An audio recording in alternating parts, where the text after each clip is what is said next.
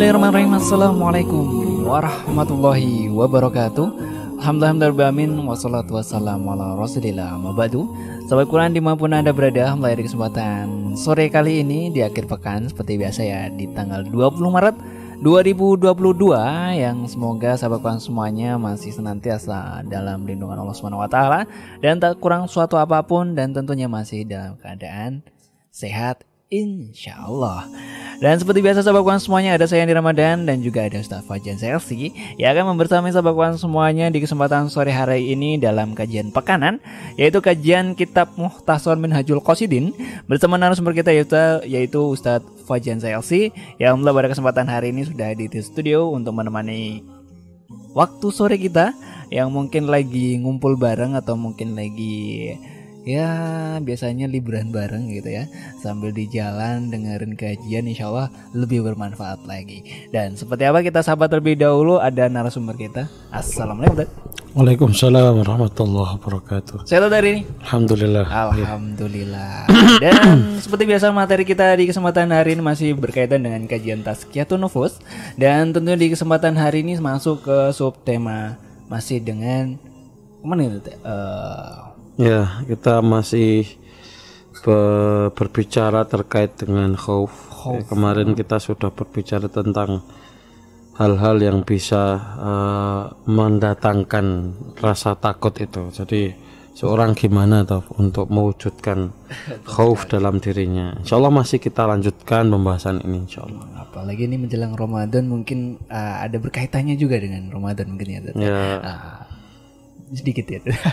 yeah. Baik sahabat kawan semuanya tentu nanti di sesi kedua nanti juga ada sesi tanya jawab. Nah ini momen-momen penting buat sahabat semuanya apalagi yang kemarin tuh uh, masih bingung nih membedakan antara khawf ya uh, yang mungkin juga buat sahabat semuanya yang uh, kemarin juga belum sempat nanya atau mungkin waktunya udah habis. Ya, dari sekarang bisa dikirimkan ya yaitu di nomor 081 229 888 untuk SMS dan juga WhatsAppnya. Bagi sahabat kawan semuanya yang pengen gabung via telepon silahkan saja di 0271 698 0010 atau melalui streaming kami di www.iskarima.com atau juga di fanpage Facebook maupun di fanpage YouTube kami. Anda bisa komentar dan juga mungkin pertanyaan di situ. Insya Allah nanti kita tanyakan langsung ke narasumber kita. Baik untuk menyingkat waktu sahabat semuanya, siapkan dulu bukunya dan kita simak dari penjelasan materi selanjutnya kepada beliau kita persilakan. Tafadhol. Uh, Bismillahirrahmanirrahim. Assalamualaikum warahmatullahi wabarakatuh. Waalaikumsalam. Alhamdulillah wassalatu wassalamu ala rasulillah wa ala alihi wa ashabihi wa mawalah. Allahumma la ilma lana illa ma'alamtana innaka antal alimul hakim. Wa tub alaina innaka antat tawwabur rahim. Wa sallallahu ala nabiyina Muhammadin wa ala alihi wa ashabihi wa tabi'in. Amma ba'd. Sahabat Quran yang uh, di mana pun berada Alhamdulillah sore ini Allah subhanahu wa ta'ala masih memberikan kita kemudahan berikan kita berbagai macam nikmat berbagai macam uh, kucuran karunia yang dengan itu uh, Alhamdulillah kita bisa menjalankan kewajiban-kewajiban kita uh, sebagai seorang hamba sebagai seorang yang uh, ditugaskan oleh Allah selama kita hidup untuk mengabdi pada Allah Subhanahu wa taala. Kita sudah sampaikan di pertemuan sebelumnya tentang hal-hal yang bisa mendatangkan rasa takut pada Allah Subhanahu wa taala dengan banyak hal ya. Uh,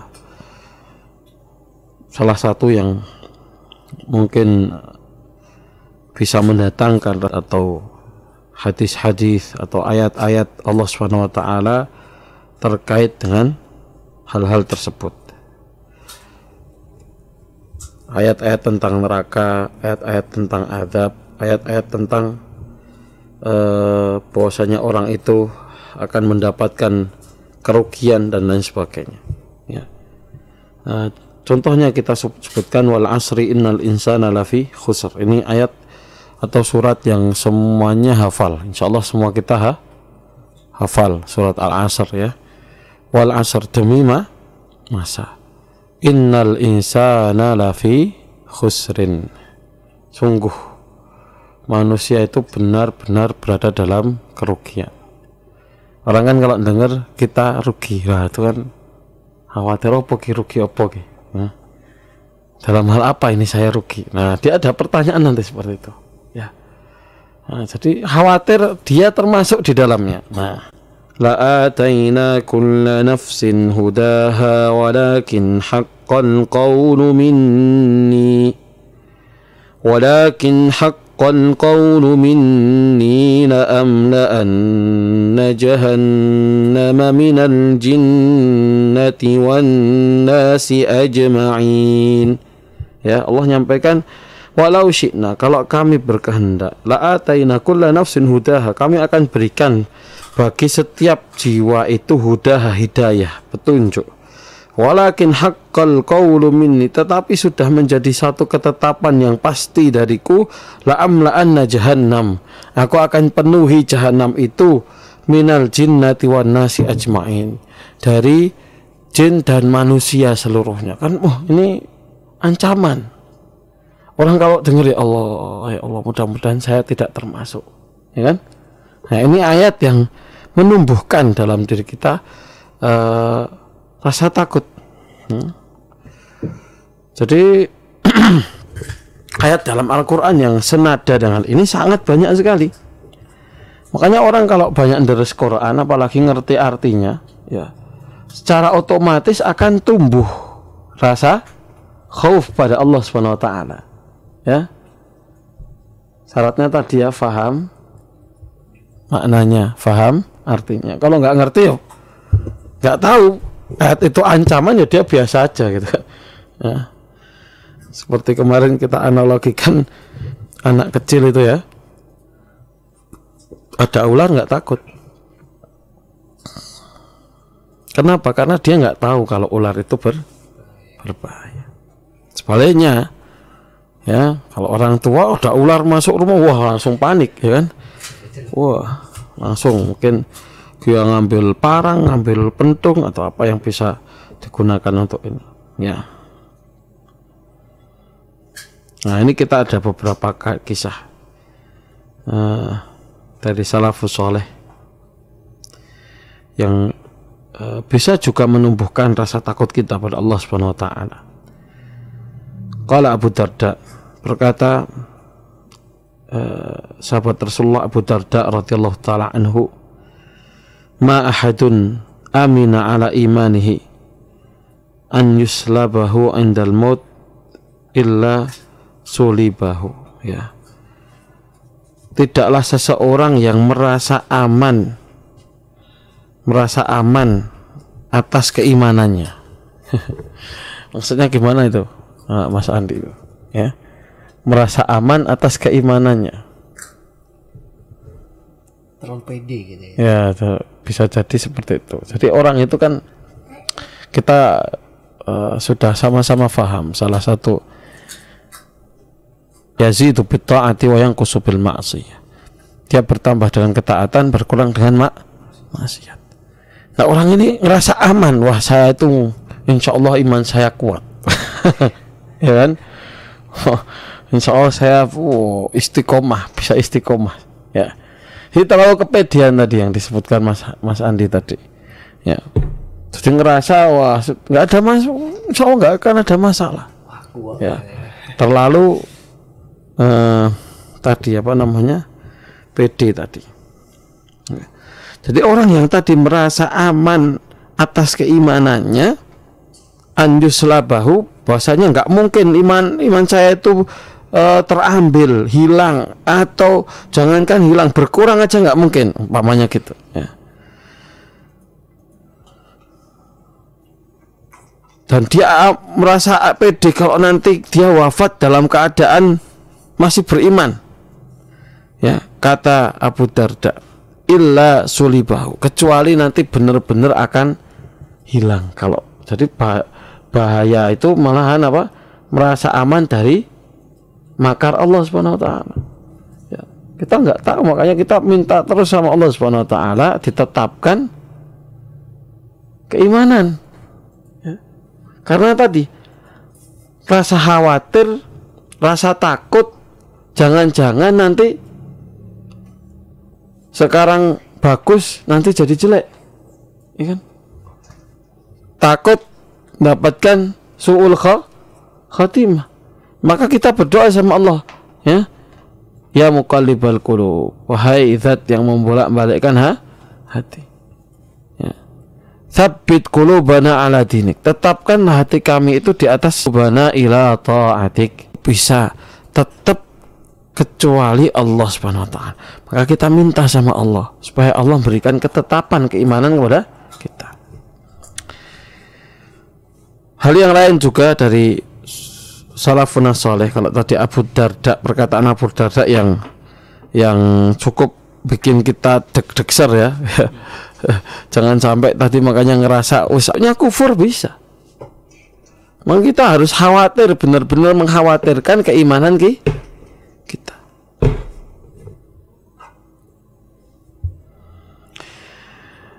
Walama hadarat Sufyan al-Thawri al-wafatu.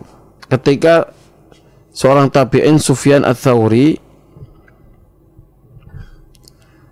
mendekati kematiannya. Ja'ala yabki. Beliau menangis.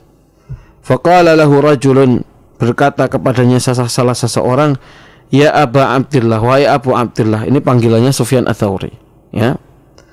Araka katsirat dzunub. Wahai Abu Abdullah, wahai Sufyan, kayak kowe dosamu akeh. Gitu. Dia ngomong gitu. Ya. Farafa'a syai'an minal ardi wa qal, maka beliau mengangkat ya men mengambil sesuatu dari tanah kemudian beliau mengatakan, "Hah? Wallahi la dhunubi ahwan indi min hadha walakin akhaf an aslab al iman qabla al maut ya. Jadi dosa-dosaku itu demi Allah lebih ringan daripada ini yang saya angkat ini. Tetapi yang paling aku khawatirkan bukan dosaku tapi keimananku yang hilang ketika kematianku nanti. Jadi, wah, ini satu hal yang mencengangkan seorang kalau mau meninggal itu ya dia masih bisa membawa keimanannya atau sebaliknya tidak bisa membawa. Wa kana Sahal rahimahullah yaqul ya Imam Sahal mengatakan Al muridu yakhafu an yubtala bil ma'asi. Seorang yang menginginkan perjalanan menuju Allah Subhanahu wa taala khawatir takut diuji dengan maksiat wal arifu yakhafu an yubtala bil kufri orang yang tingkatannya kepada arif makrifat ya dia lebih khawatir apalagi apa dia diuji dengan kekufu kufuran. Kenapa? Maksiat sama kufur itu tinggi mana makomnya? Berat mana? Kufur. Ya. Makanya orang maksiat selama dia masih iman ya Orang maksiat kalau wafat dalam keadaan iman, insya Allah akan selamat akhirnya di akhirat. Tapi kalau orang yang dia di akhir hidupnya itu kufur, mengucapkan perkataan kufur, melakukan kekufuran, habis itu mati, belum sempat tobat, ya maka dikhawatirkan selamanya tidak akan bisa keluar dari neraka Allah SWT. Ini, ini bahayanya ma'arif. Bagus, ya. Kita kalau bisa memang iman kita seling tidak ada maksiat. Tapi kalau kita ditanya prioritas, ya, maka kita akan selamatkan iman kita dari apa? Kekufuran. Wa yurwa anna nabiyyan minal anbiya syaka ilallah al-ju' wal urya. Diriwayatkan ada seorang nabi yang dia mengadu kepada Allah tentang kelaparan dan urya. Urya itu enggak pakai baju, ya. Fa'auhallahu ilaihi maka Allah memberikan wahyu kepadanya abdi ya wahai hambaku amaradita in as asamtu an yakfurani Wahai hambaku maukah atau ridhokah engkau jikalau aku jaga hatimu untuk kufur kepadamu Hatta tas'alani dunya sampai engkau bisa meminta sesuatu dalam urusan dunia. Fa akhadhat turab fa wada'aha ala ra'si wa qala. Dia ngambil tanah dia letakkan di atas kepalanya dia kemudian mengatakan bala qad raditu fa aqsimni minal kufri. Ya Allah aku sudah ridha maka jagalah aku dari keku kekufuran. Fa idza kana hadha khauful arifin min su'il khatimah ma'a rusyukhi akdamihim fa kaifa yakhafu dzalika du'afa. Ya. Kalau seandainya orang yang arif sudah kenal sama Allah al-arif billah. Orang sudah ibadahnya Masya Allah Orang tawaduknya Masya Allah itu Masih takut su'ul khotimah Apalagi ki Kita yang do'afa yang lemah Ya. Wali su'il khatimati asbabun Sifat yang tercela. Walidhalika ishtadda khawfu salaf minan nifak Maka dari itu Salaf itu sangat khawatir, sangat takut pada kemunafikan. Sampai sebagian mereka mengatakan, "Lau a'lamu anni bari'un minan nifak kana ahabu ilayya mimma tala'at alaihi syams." Kalau aku tahu aku ini lepas dari kemunafikan, sudah dibebaskan Allah dari menafikan, maka hari itu adalah hari yang paling indah di mana matahari itu terbit. Ya, jadi saking senangnya orang itu selamat dari apa? Kemunafikan. Jadi seul khatimah tadi apa punya sebab-sebab. Enggak ujuk-ujuk, tapi ada sebabnya.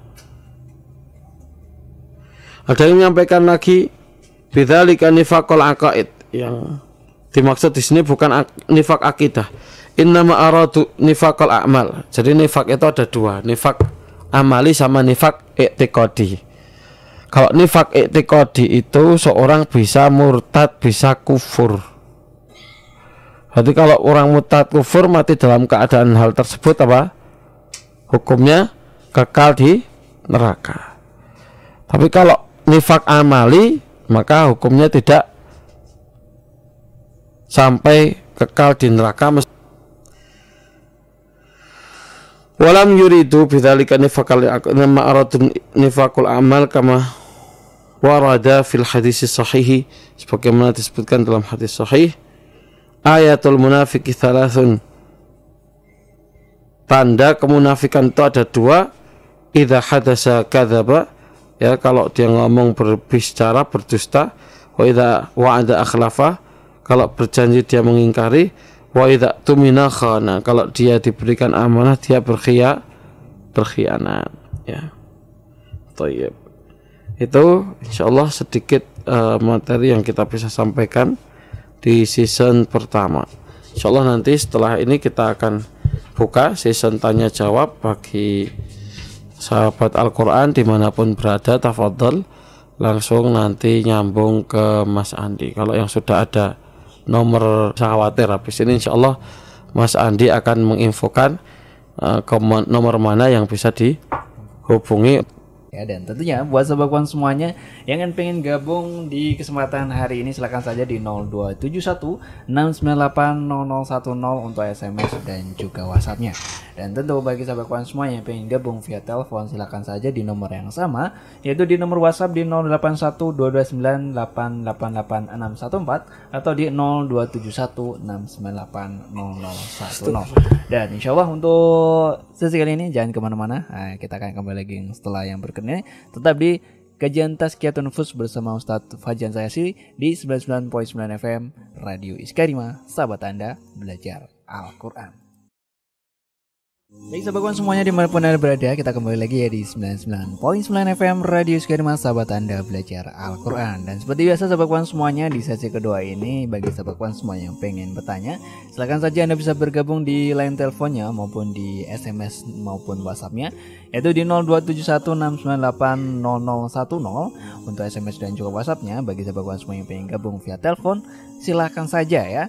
Di 02716980010 Dan seperti biasa kita masih berkaitan materi di kesempatan sore hari ini masih di uh, materi hope ya uh, dan bagi sahabat kawan semuanya yang mungkin lagi stay tune atau baru mendapatkan sinyal kami ya siaran kami yaitu anda sedang menyimak kajian kitab Muntasul Minhajul Qasidin bersama narasumber kita yaitu Ustadz Fajan CLC yang kita siarkan secara live ya di hari Ahad dan kita lakukan di fanpage Facebook dan juga YouTube kami di Iskarima Radio.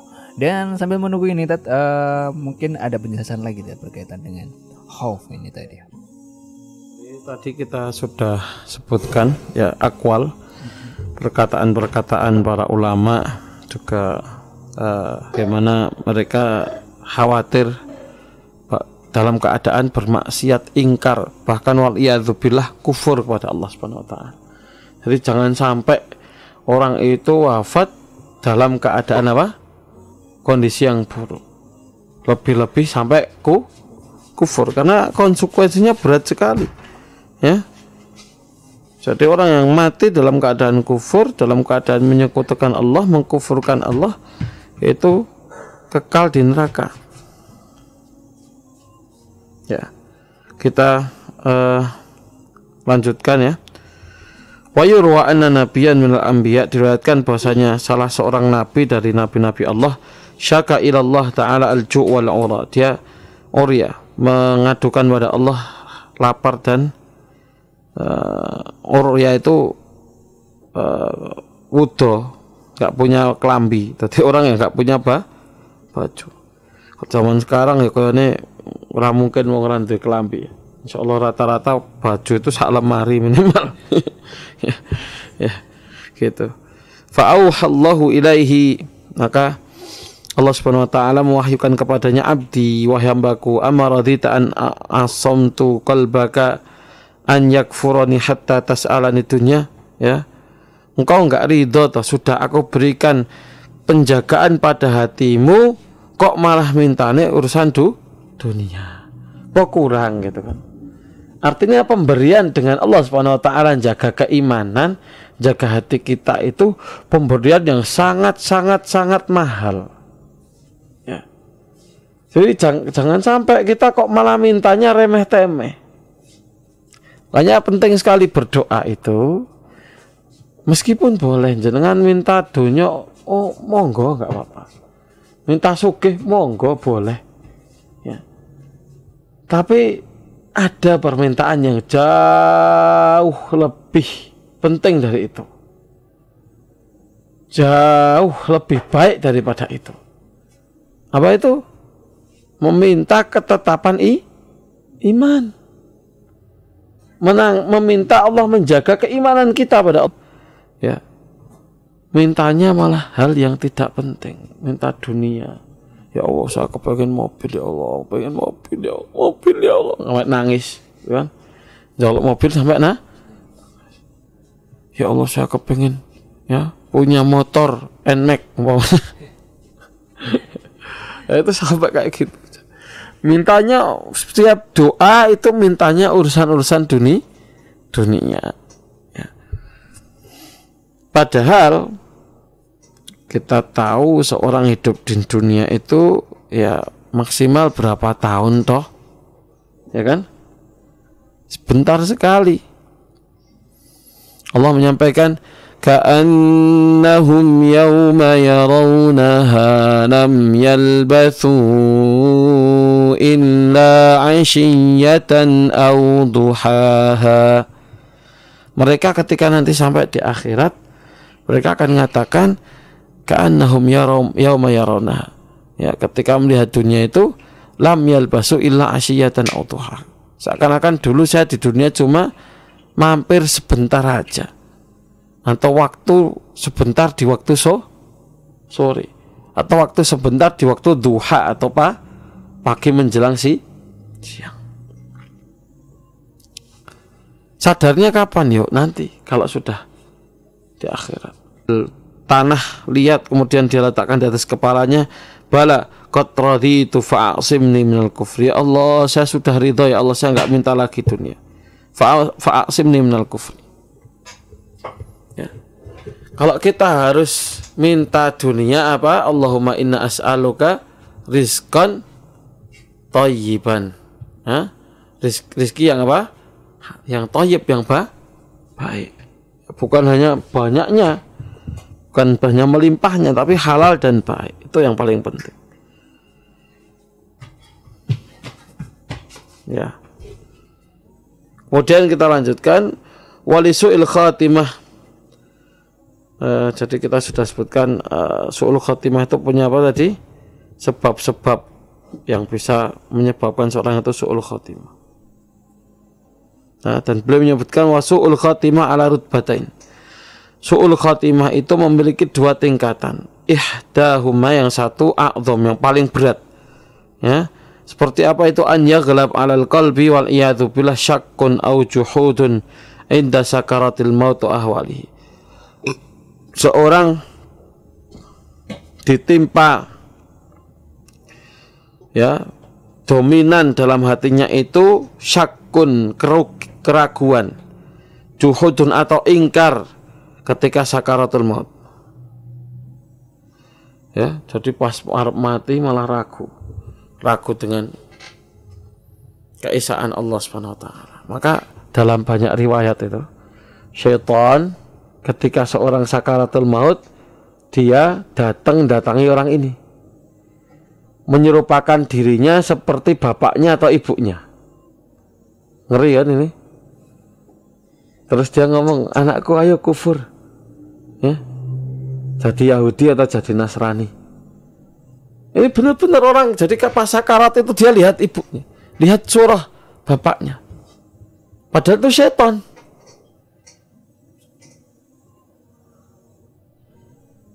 Ngajak dia untuk ku kufur. Oh ini mengerikan banget.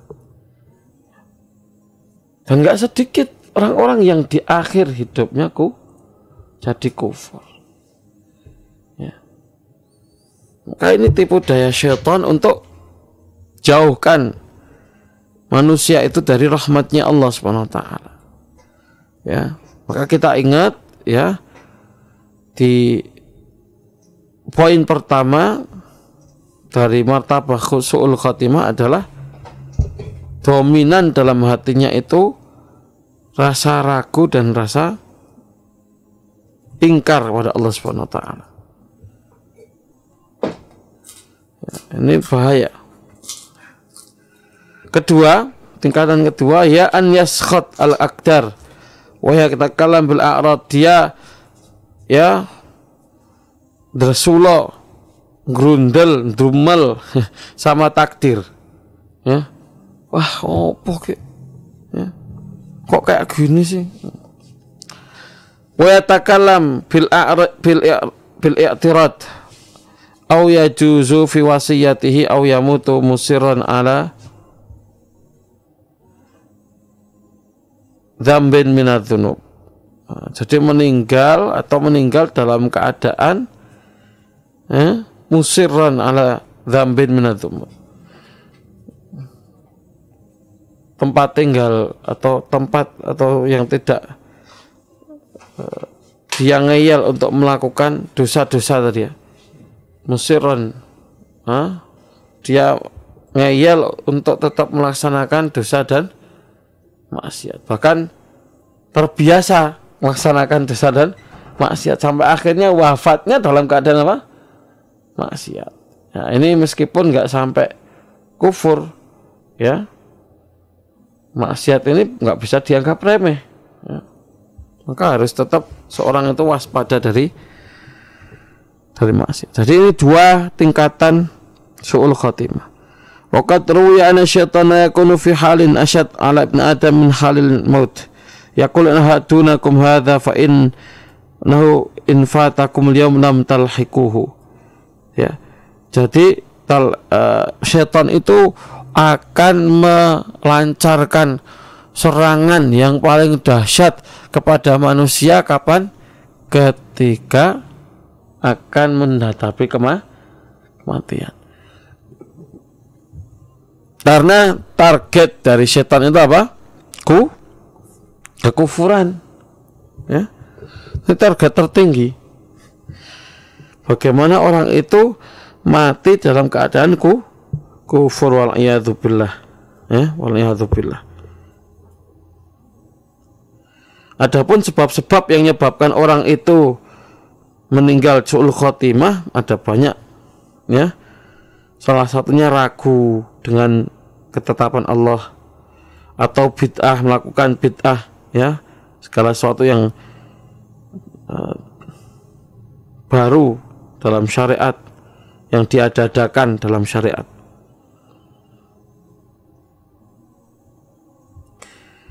Wa maknaha an ya'taqid fi dzalika Allah taala ya au sifatihi au af'ali khilaful haqqi imma taqlidan au fi ra'yihi al-fasid fa idzan kashafa al-ghita' indal maut fa inna lahu butlanu ma taqadahu fayadhun jami'a ma taqadahu hakadha la asla lahu wa minal wa man taqada fillah subhanahu wa ta'ala wa sifati i'tiqadan mujmal al tariqati salaf min ghairi bahsin wala tan min ghairi bahsin wala tangkirin fahuwa bim ma'zilin an hadzal khatar insyaallah.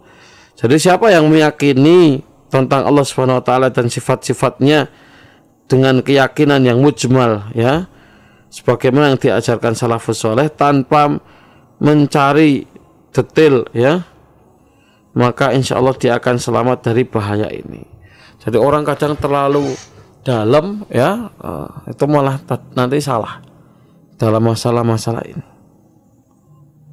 Nah ini uh, kita sebutkan tadi ya uh, keadaan seorang yang su'ul khatimah ada ada dua hal. Pertama yang berat yang sampai kepada kekufuran.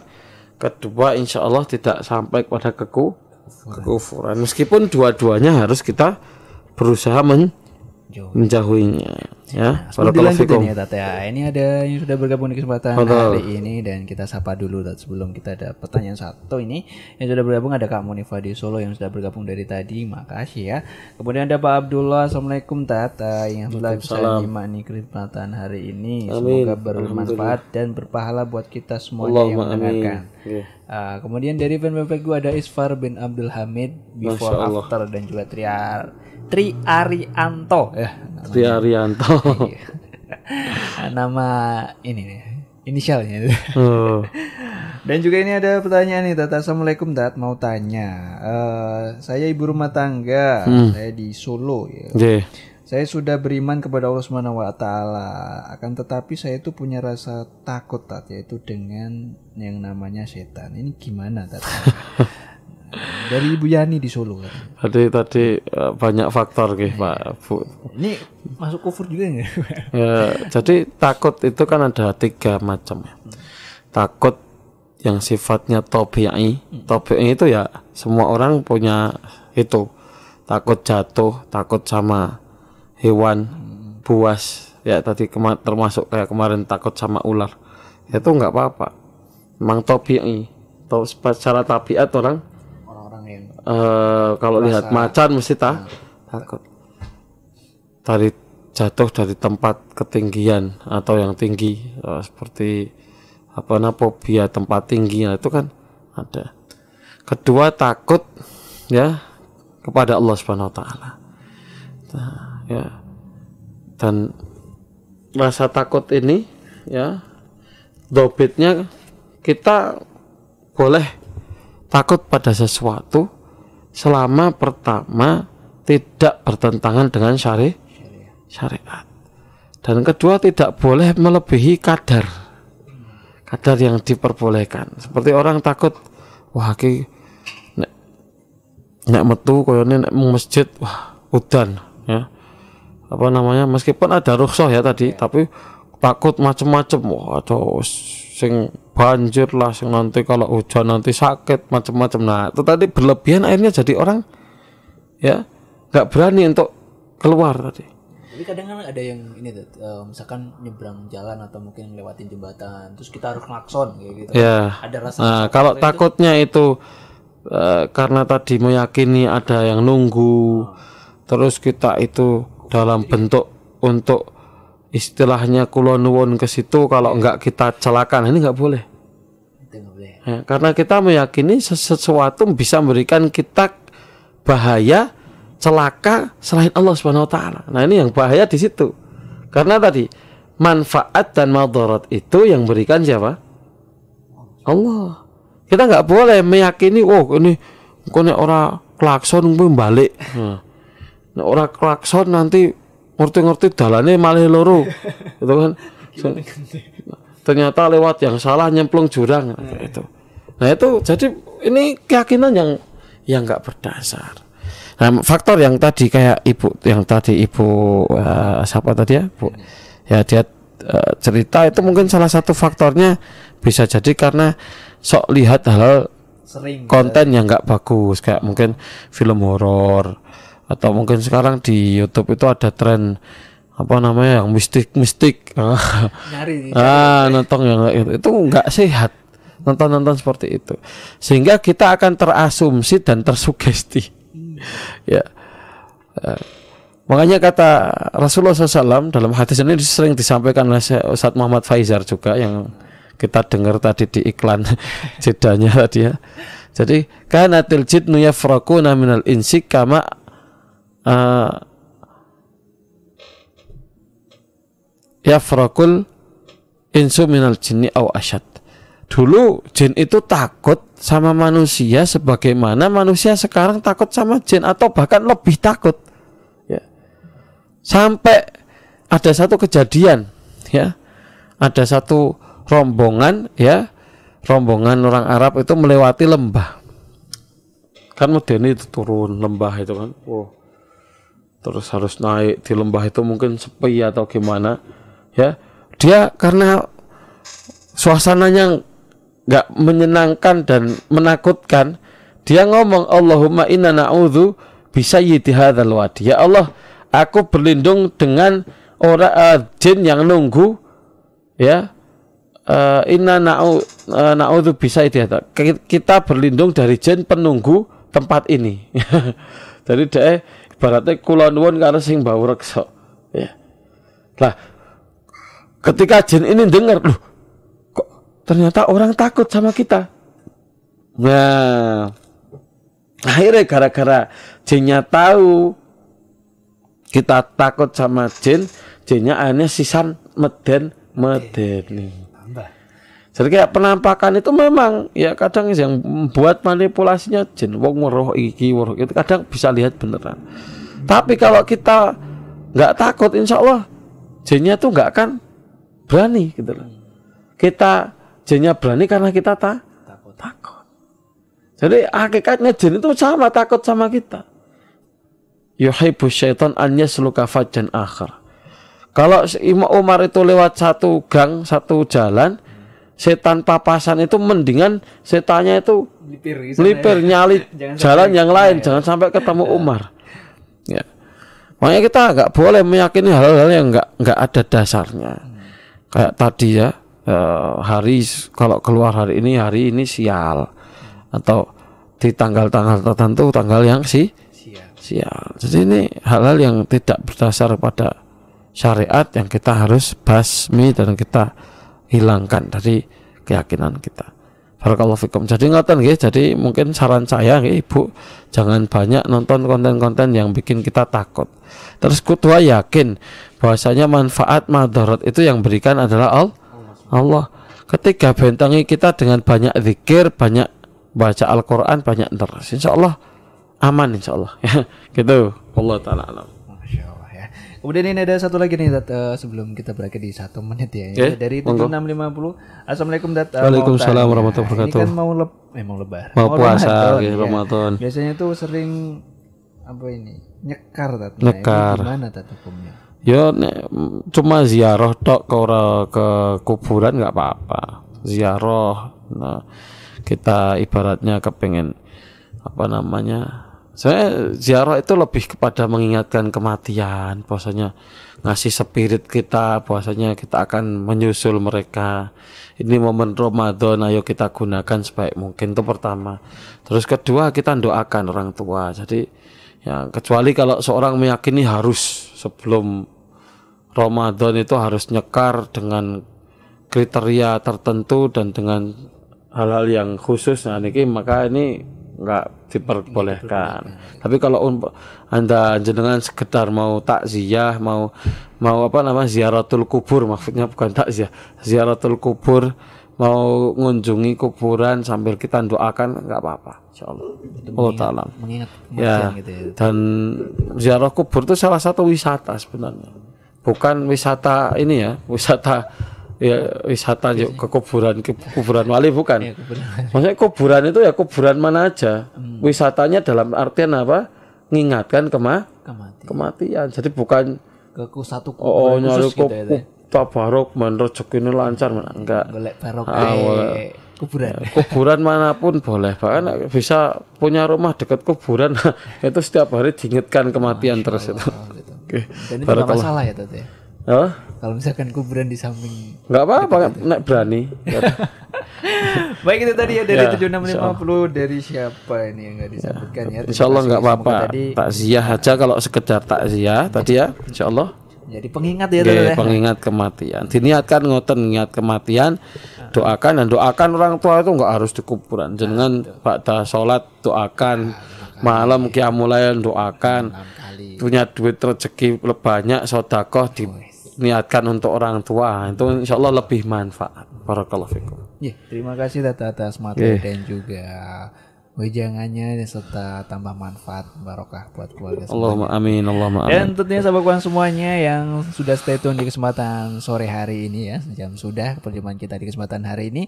Semoga menambah keilmuan kita dan juga pengetahuan kita berkaitan dengan tazkiyatun nufus di kesempatan hari ini. Insya Allah kita akan hadir lagi di pekan yang akan datang di jam yang sama di channel yang sama di 99.9 FM Radio Iskarima sahabat Anda belajar Al-Quran Dan akhirnya saya Andi Ramadan pamit undur diri dari ruang dengan sahabat kawan semuanya Terima kasih atas kebersamaannya dan jangan lupa stay tune terus di Radio Iskarima. Insya Allah kita ada program baru di program-program Ramadan dan nantikan programnya insya Allah bermanfaat dan lebih barokah di puasa tahun ini. Alhamdulillahirrahmanirrahim. Subhanakallahumma wa bihamdika. Asyhadu an la ilaha illa anta wa atubu. Wassalamualaikum warahmatullahi wabarakatuh.